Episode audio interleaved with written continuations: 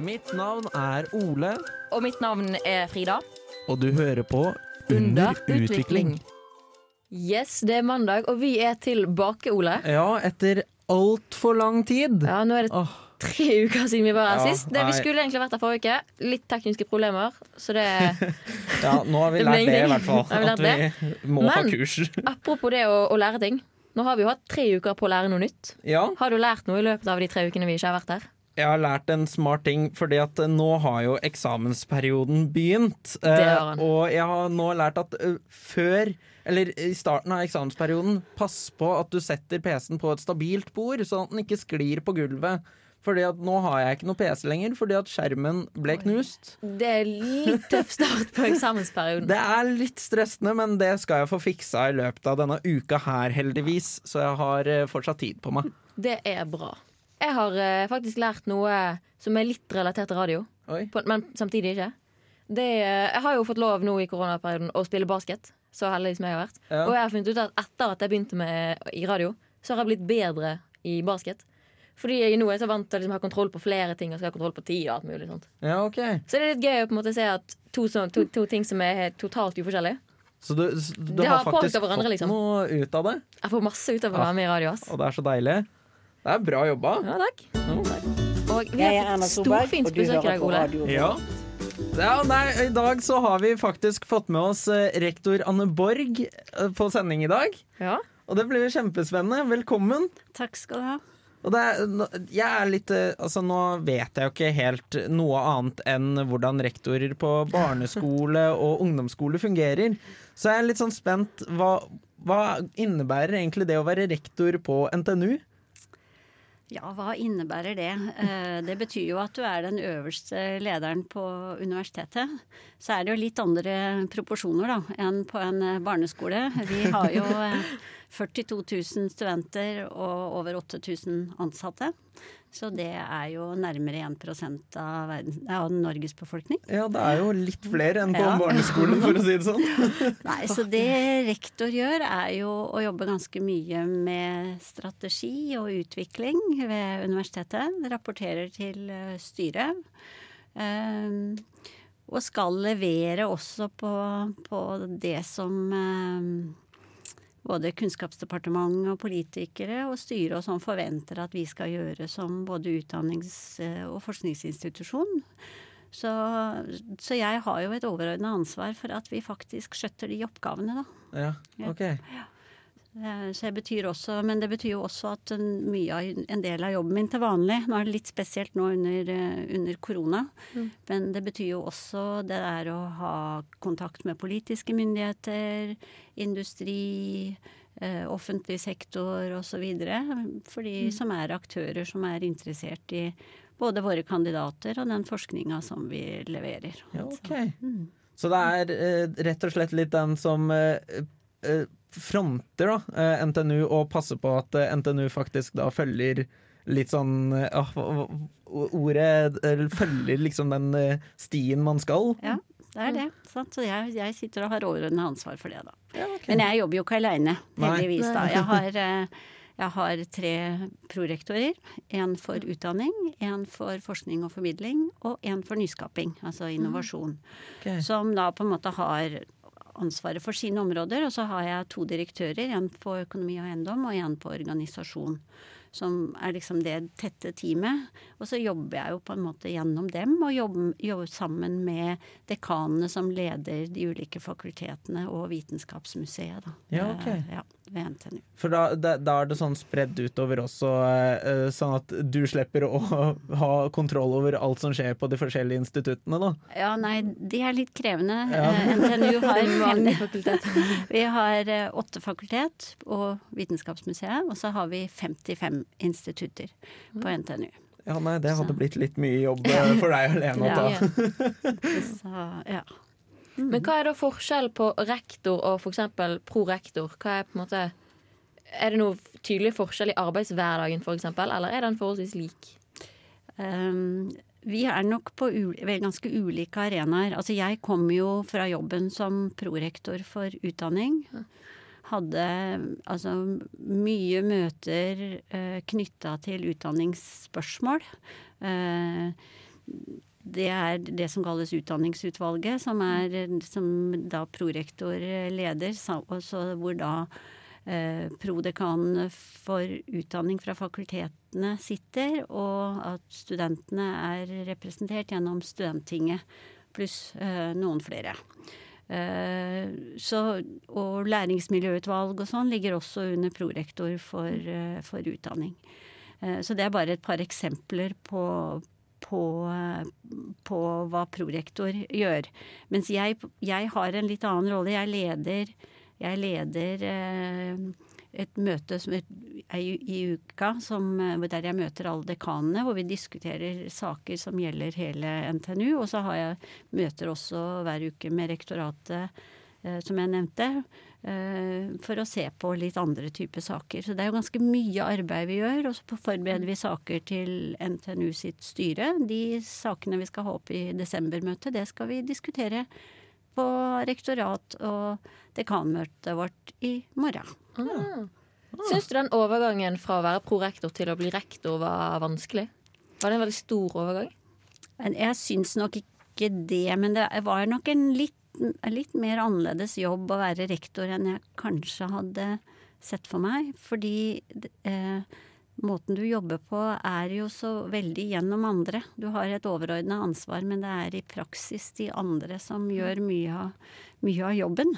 Eh, og så har jeg tidligere òg vært eh, dekan, altså leda, jeg leda Fakultet for naturvitenskap i fire år.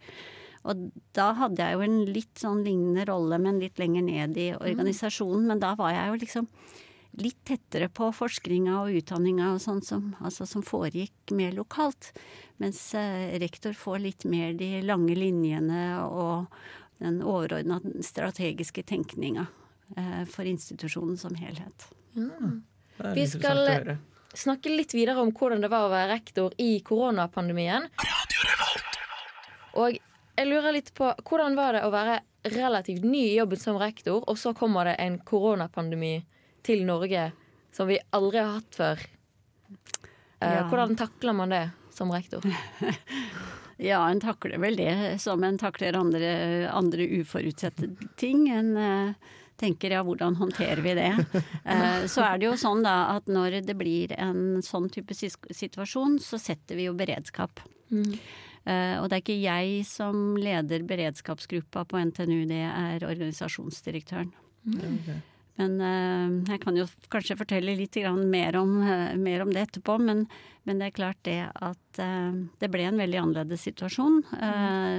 Fokuset ble jo veldig på hvordan ivaretar en studenter og ansatte. det er klart det var veldig spesielt at det kom. Uh, og jeg kunne jo gjerne Jeg tenkte jeg skulle si, gi dere en liten historie da, om akkurat det. det fordi. Ja, fordi at Um, faktisk så begynte beredskapsledelsen hos oss å følge ganske nøye med allerede i slutten av januar. Og det var jo litt fordi at vi bl.a. har en del samarbeid med institusjoner i Kina. Og det begynte jo ah. liksom å komme litt rykter og sånn. Og da var det sånn at uh, den 27. februar så skulle da beredskapsledelsen ved eh, NTNU skulle holde en øvelse og det caset som de da hadde planlagt, og det var før vi visste om korona, mm. det var at de eh, hadde et scenario der de var blitt oppdaga et, et utbrudd av en pandemi som berørte universitetet. Den 27. februar. Ja. Og mens vi holdt på å planlegge det, på morgenen da, så fikk vi et varsel om at en NTNU-student var innlagt på sykehus i Firenze med korona. Oi. Såpass, ja. Og da Han var trolig den første koronapasienten i Firenze, og den første nordmannen som fikk diagnosen.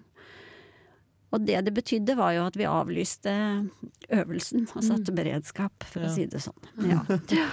Og da har jo, siden da, så har jo egentlig koronasituasjonen i veldig stor grad påvirka den daglige driften vår. Ja, det er jo forståelig. Ja. Men altså Du tok jo Eller du ble jo nettopp rektor, så da var jo sånn derre Var du forberedt på liksom eh, en vanlig hverdag fra starten av, eller var det på en måte dette Var man på en måte litt obs av at det var et eller annet? Ikke, altså jeg ble ansatt uh, i, i, desember, midten av desember, uh, formelt. Da. Altså jeg, jeg, var jo konstituert fra midten av august og så mm. til, uh, til, midten av september. Det er klart, midten av september, da, nei, desember hadde vi jo ingen aning om nei, det her. Det var jo ikke noe. Så, så så jeg så vel for meg at jeg skulle lære meg å Eller bli mer vant med å bli, være rektor i en, en veldrevet eh, institusjon som heter NTNU. Ja. Så um, det er klart, hverdagen ble en ganske annen. Ja, det kan jeg jo se for mm. meg. Men, men altså denne pandemien den er jo fortsatt ikke ferdig. Og vi har jo på en måte en liten sånn oppblomstring i Norge nå mm. for tiden. Ja. Og hvordan er det egentlig Altså du, sa jo at du har jo ikke noe på en måte med beredskapen sånn sett å gjøre, for det er en annen uh, gruppe, eller? Ja, eller altså det som er da, altså vanligvis, altså vanligvis, når du har beredskap, så er det jo Det brenner et sted, eller mm. det er noen som er påkjørt, eller det har vært et gassutslipp på campus, eller et eller annet sånt. Ting som tar en dag eller noen få dager. Mm. Ja. Så, så sånn sett så passer jo ikke det å sette beredskap egentlig så godt sammen med det å håndtere en pandemi som går over så mange måneder. Nei. Så vi brukte jo en del tid på det i starten. Eh, beredskapsgruppa gjorde mange vedtak. Jeg tror de gjorde 60 forskjellige vedtak eh, i den første tida. Men over påske så ble det veldig klart at, at vi måtte jobbe på en annen måte. Fordi vi, klart vi har som, som, dere også er vant med gjennom eh, f.eks. studenting osv. Så, videre. altså, så har vi jo tillitsvalgte. De er jo vant med å få være med på å se gjennom og vurdere og gi innspill på vedtak som gjøres. Så, sånn at, at, vi måtte over i en annen fase, sånn at, ble, at det ble tydeligere at det var rektor som gjorde vedtak. Riktignok hadde jeg gjort en del vedtak før påske også, men det var nok ikke så synlig for organisasjonen. Så derfor så ble det viktig å tydeliggjøre det. Ja. Og vi har jo snakket litt om eh, hvordan dere som administrasjon ble påvirket av koronapandemien. Men jeg lurer litt på hvordan jobbet dere for studentene eh, i vår? Og når begynte dere å, å, skjønne at nå må vi faktisk gjøre et eller annet? Det skjønte vi nok allerede 27. februar, ja. da den ene studenten ble sjuk. Mm. Um, og da er det sånn at jeg er sivilingeniør av utdanning, og jeg visste veldig godt at eh, de blant annet, eh, og en del andre, pleier å reise på ekskursjon i tredjeåret. Eh, den ekskursjonen den pleier å gå i uka før påske, og veldig mange av dem skulle til Asia. Mm. Noen skulle til Kina, Japan, Sør-Korea, Singapore osv. Mm. Og da, når, da Kina hadde stengt ned, da begynte vi å innse at det her kommer ikke til å gå bra. Så før vi fikk beskjed om å stenge ned, mm. så bestemte jeg som rektor at eh, ekskursjonene våren 2020 måtte avlyses. Og det var ikke så veldig populært. Eh, jeg fikk en del pepper, for å si det sånn. Eh, fordi at det, det er klart mange de har gleda seg, de har spart penger, de har drevet med dugnad osv. Men eh, i ettertid så ser vi jo det at uka før påske så hadde de ikke kunnet reise noe sted som helst. Mm. Og jeg tror i hvert fall det var noen som fikk igjen penger, altså at vi klarte å, å avlyse. Det så vi tidlig at, uh, at ikke den økonomiske belastningen ble altfor stor for studentene. Mm. Jeg tror nok mange var eh, takknemlige for at de fikk beskjed såpass tidlig. Mm. At det ikke kom liksom uken før så bare, du kan ikke reise likevel, for da litt mer penger som, som ryker da. Ja. Nei da, men da, da, det ble stengt ned, da satt vi jo og vi hadde, hadde vi, Det var jo mange NTNU-studenter som reiser på utveksling. Mm. Så da hadde vi 1200 studenter i utlandet. Ja. Over hele verden. Så da var det jo også en jobb å, kom, å kommunisere til dem og be dem innstendig om å reise hjem. Ja, for eh, jeg husker, jeg husker, i starten av dette, når, vi måtte, når det ble sendt ut mail til også studenter i utlandet, at eh, NTNU fikk jo litt pepper uh, først for den mailen som ble sendt ut. Men altså Jeg var litt sånn Altså, jeg syns det var litt innafor å sende, for man har jo sett det ganske tydelig, da. At det har jo vært greit her. Vi fikk det litt under kontroll, mm. i hvert fall over sommeren, mm. frem til nå. Uh, og, men ja, hvordan har det egentlig vært da nå å f.eks. det å åpne campus uh, og stenge campus uh, og disse situasjonene, da? Altså, jeg vil vel si at å stenge campus, eller å sende studentene hjem, for det var jo det vi måtte gjøre vi, NTNU stengte aldri helt. Vi hadde, mm. hadde noen laboratorier og dyrestaller og litt forskjellig som, som var kritisk å holde i gang det holdt vi i gang. Ja. Men studentene fikk jo ikke lov å være på campus. Mm. Uh, og det vil jeg si at det var ganske enkelt. Altså Bortsett fra at vi selvfølgelig for de som skulle være på campus, så måtte det gjøres en del risikovurderinger, og vi måtte bestemme oss for hjemmekontor og masse sånne ting. Mm. Uh, men det å åpne opp igjen, det har vært en kjempestor jobb. Ja. I løpet av sommeren sant, så har en uh, merka en jo auditorier og altså annenhver plass og regime for hvordan en skulle gjøre reint imellom. Det har vært masse arbeid for å tilrettelegge for en viss aktivitet for studentene på campus. Jeg var mhm. kjempeopptatt av at vi skulle ha noe fysisk undervisning eh, eller læringsaktiviteter i høst så har vel ikke alle fått uh, syns at de har fått så veldig mye, men, og det har variert en del. Men uh, vi har gjort virkelig så godt vi har kunnet med den infrastrukturen vi har, for at studentene skulle kunne være sammen med andre studenter uh, på campus. Og vi har besøk av Anne Borg i dag. Og vi har snakket litt om koronapandemien.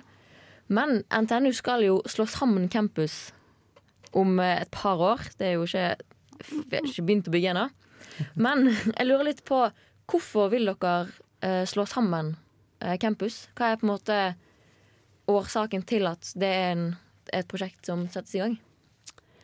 Hovedgrunnen til at vi ønsker da å flytte sammen humaniora og samfunnsvitenskap, som i dag er, i, er på Dragvoll mm -hmm. i, i Trondheim, eh, sammen med miljøene på Gløshaugen og ned mot øya, er jo at vi mener at utdanningene våre for framtida kommer til å trenge enda mer tverrfaglig kompetanse.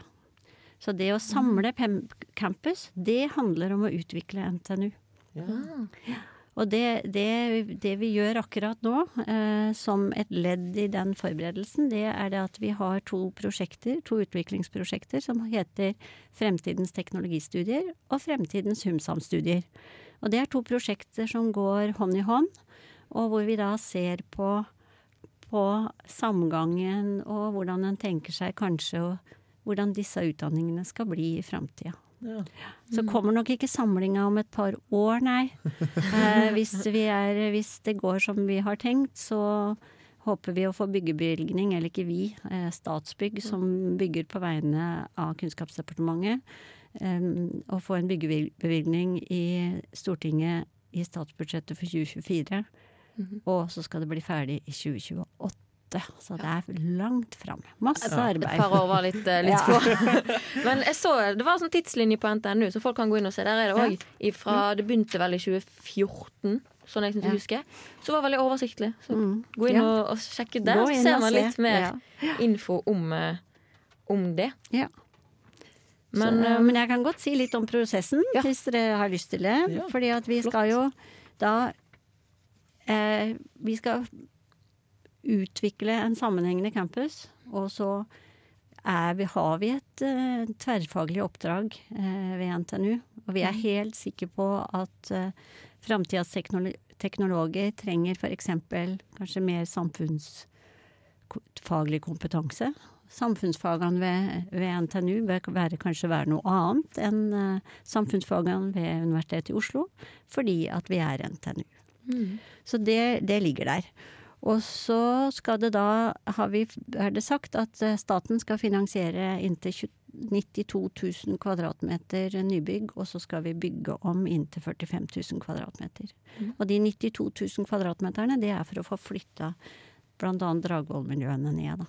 Mm. Til, eh, til Gløshaugen.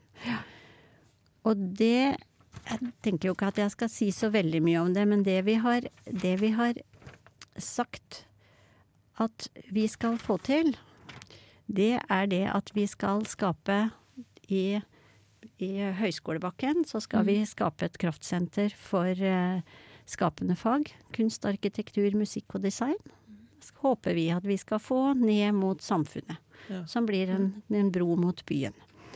Eh, og så skal vi da lage en klynge, eller vi skal Humsam, på, midt i området på Gløshaugen.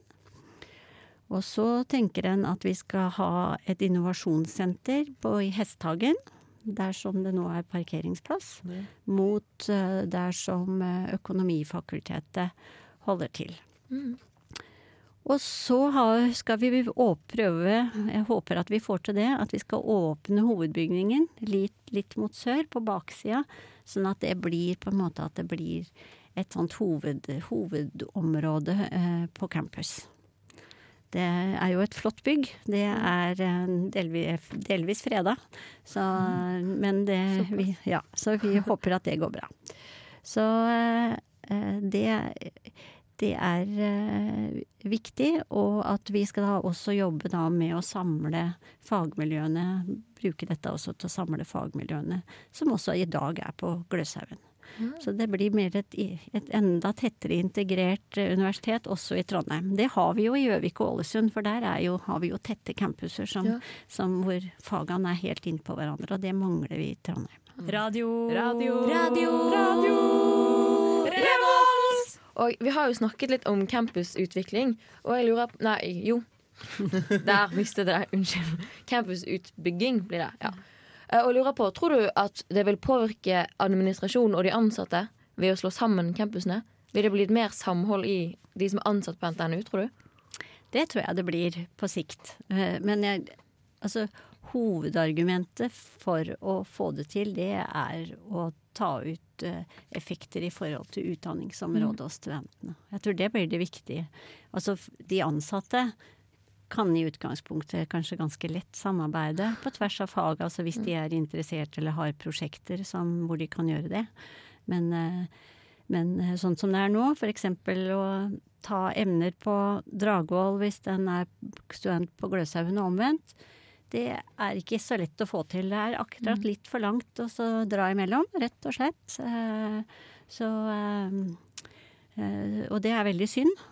Og så tenker jo jeg at det vi kommer til å se ut fra de fremtidens studiearbeidene, er at det kommer til å være mer prosjektbasert, tverrfaglige problemstillinger, overordna problemstillinger.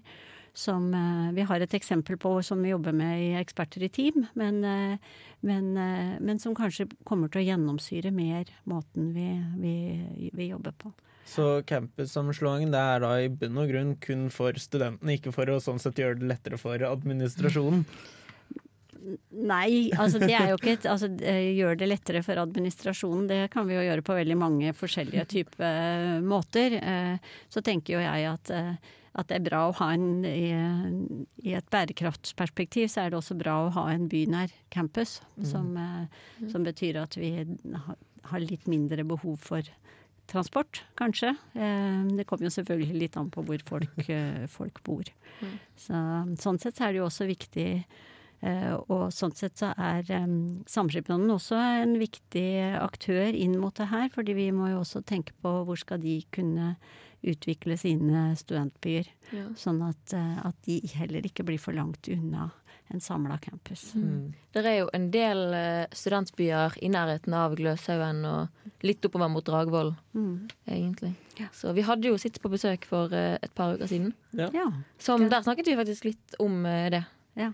Jeg har et spørsmål Hvem? til Kan jeg få spørre spørre nå? Er det sant at de som studerer på Dragvoll, er med? Hva betyr det? Jeg er litt Hva mener du? usikker, altså. Hæ? Jeg studerer på Derfor. Gløshaugen, og jeg lurer på om Spørsmål fra studentene.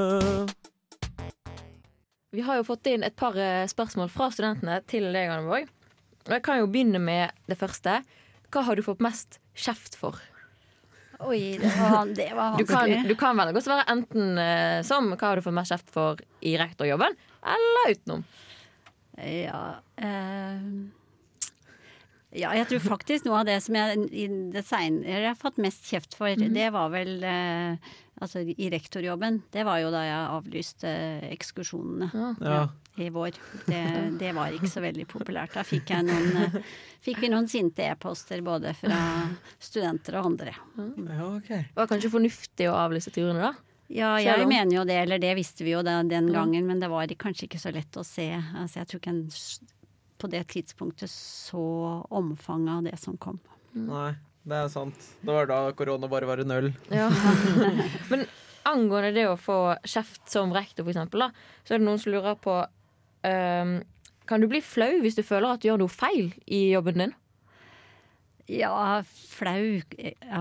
Altså, jeg liker ikke, liker ikke Altså, jeg ønsker jo ikke å gjøre noe feil i jobben min.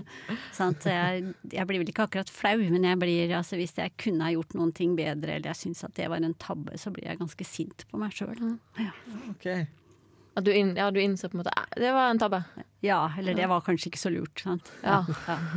Og det, ja. Men en, en blir litt uh, eh, Altså, det er alltid vanskelig å Altså, det skjer jo mye, og det er jo ikke alltid at du er akkurat på og sier akkurat den riktige tingen til som du egentlig burde ha sagt, eller du sier det litt upresist, eller et eller annet sånt, og så får du det noen ganger da i retur. Det leses jo ganske med, med skikkelige luper, da, og, ja. og noen ganger det som rektor sier. Ja. Ja. Både på godt og vondt. Mm. Et eh, siste spørsmål er Ligger du oppe og eh, stresser eller tenker mye om natten? På ting du har enten gjort eller fått kjeft for, eller Nei, det gjør jeg ikke. Ikke for sånne ting. Men uh, det kan nok være at jeg kan våkne litt tidlig hvis jeg har ting som jeg lurer på hvordan jeg skal løse. Eh, det å være rektor er jo, når du er øverste leder, så er det også en litt ensom jobb. Ja. Sant? Så det er jo ikke så mange du kan diskutere med. Så noen ganger så må en diskutere litt, eh, eh, litt med seg sjøl i de tidlige morgentimene. timene. Ja. Jeg er Fredrik Solvang, og du hører på Radio Revolt. Vi er egentlig i ferd med å avslutte. Og ja. det blir jo også vår, dette er jo vår siste sending for semesteret. Vi skal Ja. inn i en eh, eksamensperiode. Åh. Og lurer på om du har noen, for, altså noen tips til eh, eksamenslesende studenter. Ja, det var det, da. Eh, Men eh, ja, vi er jo forskjellige. Men mm. mitt råd er nok å lage litt en plan for dagen. Eh, Pass på å få nok søvn, uh, og pass på å spise det en skal. Og så også ta, få litt frisk luft og bevege seg. Altså, Det er en sånn passelig balansegang, tenker jeg. Så håper jeg at, at det ikke bare er skippertak, men også at, eh, at studentene har jobba en del underveis i semesteret. Og så ønsker jeg alle sammen lykke til med eksamen. Det blir liksom passe på å ta noen pauser i mellom slaga. Ja. Jeg merker jeg må begynne å bli litt strukturert nå. Jeg har vært så vant til bare kunne dra på skolen og liksom Ja. få ting litt servert. Jeg foreleser og Ai, ingen forelesninger. Jeg må begynne å planlegge ting sjøl. Ja. Så det blir Få Ja, litt den strukturen. Ja. Ja, ja. det er det. Og så har det sklidd litt ut òg. Nå når på en måte det har vært korona og ting har eh, Jeg, tror, altså, jeg hører jo at det er noen som på en måte, når de bor i et kollektiv, er enige om å stå opp til samme tid Mm. og sånne ting. Men det kan jo godt være hvis du har noen, som, noen studiekamerater som, eller studievenner som, som også skal, skal forberede seg til eksamen og hjelpe hverandre litt, da. Til, Mm. eh, til struktur, å få, å få litt struktur. For det, Mm. jeg tror det er det viktigste. Ja. For eh, prokastinering er eh, ikke å anbefale, må jeg bare si. ja, nei, den, eh, den er jeg enig i. flere som har gått på en uh, smell der. Så det, det å bruke Zoom eller Teams og sånne ting Ja. er jo òg relativt lurt, bare for å ha noen å snakke med. Ja, vi, altså jeg har en gruppe Vi pleier å samle oss over eh, en Zoom-samtale og gå litt gjennom de tinga vi har hatt gjennom eh, semesteret, da. Det er også en fin måte å gjøre det på, for da får du også diskutert deg frem til noen svar. Og det er, det er veldig deilig å høre litt andre innspill. Ja, det er helt sant. Nå kan vi si at det her er jo vår siste ordinære sending. Ja. Eh, Så kan det være at det kommer en, en liten bonusepisode om et par uker. Og kanskje litt oppdateringer over jul. Det, det kan være at skjer, men uh, innen uh, Altså, ja. Mens vi ikke har ordinære så har vi fortsatt en uh, Facebook-side og en Instagram-konto det går an å følge. Der kan man òg sende inn spørsmål hvis man lurer på ting. Eller hvis man har forslag til et tema vi kan uh, ta opp. Eller hvis man har lyst Tips til å og triks, rett og slett. Ja da. Det går helt fint an. Det er under utvikling på Facebook. Under utvikling RR på, eh, eh, på Instagram. Der er òg en Instagram for hele Radio Revolt. Vil også anbefale å følge den. Der får du litt mer oversikt over flere program Ja. Og vi det har. anbefales på det sterkeste. Det er veldig mange morsomme program som er her. Det er det. Ja, eh, og, og så er det jo fortsatt den eh, Vi vil gjerne ha flere følgere på både Facebook og Instagram, for når vi et mål, så skal vi jo lage en låt. Og det er i hvert fall jeg er veldig spent på. Så jeg gleder meg. Jeg håper nå at vi kan nå det målet snart, eh, sånn at vi kan få satt i gang arbeid med dette her. Det er sant. Vi har eh, Vi har kommet litt på vei. Ja, Men, nå eh, begynner vi vi å nærme oss. litt. Ja. Så det er bare litt. til å dele og eh, ja, fortell venner og familie og uvenner og de du ikke er i familie med, og fortell alle om, eh, om den kontoen. Ja. Så det eh, Da kan vi jo egentlig avslutte med å si tusen takk til Anne Borg, som kom hit i dag. Takk for sier- at jeg fikk komme. Ja, det var veldig hyggelig. Tusen takk til eh, tekniker. Og eh, takk, Ole, for at du har eh, vært her denne sesongen med meg. Jo, tusen takk, Frida, for at jeg fikk lov til å være med denne Jo, sesongen. hyggelig. Vi er her begge to igjen neste sesong. Ja, og det gleder vi oss til. Det blir veldig gøy. Da har vi har allerede et par planer Mhm. klar for uh, hva vi skal snakke om. Men eh, det blir en overraskelse til neste gang. Yes. Vi snakkes. God jul til alle sammen òg. God jul og lykke, til med på eksamen. Du har hørt en podkast fra Radio Revolt. Hør flere ukentlige podkaster, f.eks. Har du hørt om det kuleste programmet? Men Millennium! Heng med oss hver onsdag fra 19 til 20 her på Radio Revolt. Jeg må ha noe varmt på tunga etter jeg har hatt noe kaldt på tunga. Winka, winka. Vi har toalettpapir i løsvekt. Jeg er typisk når gutta. Tjener mer enn meg. Making it political. Orgasmer. Hver onsdag klockan 19. Snakkes! Radio Revolt.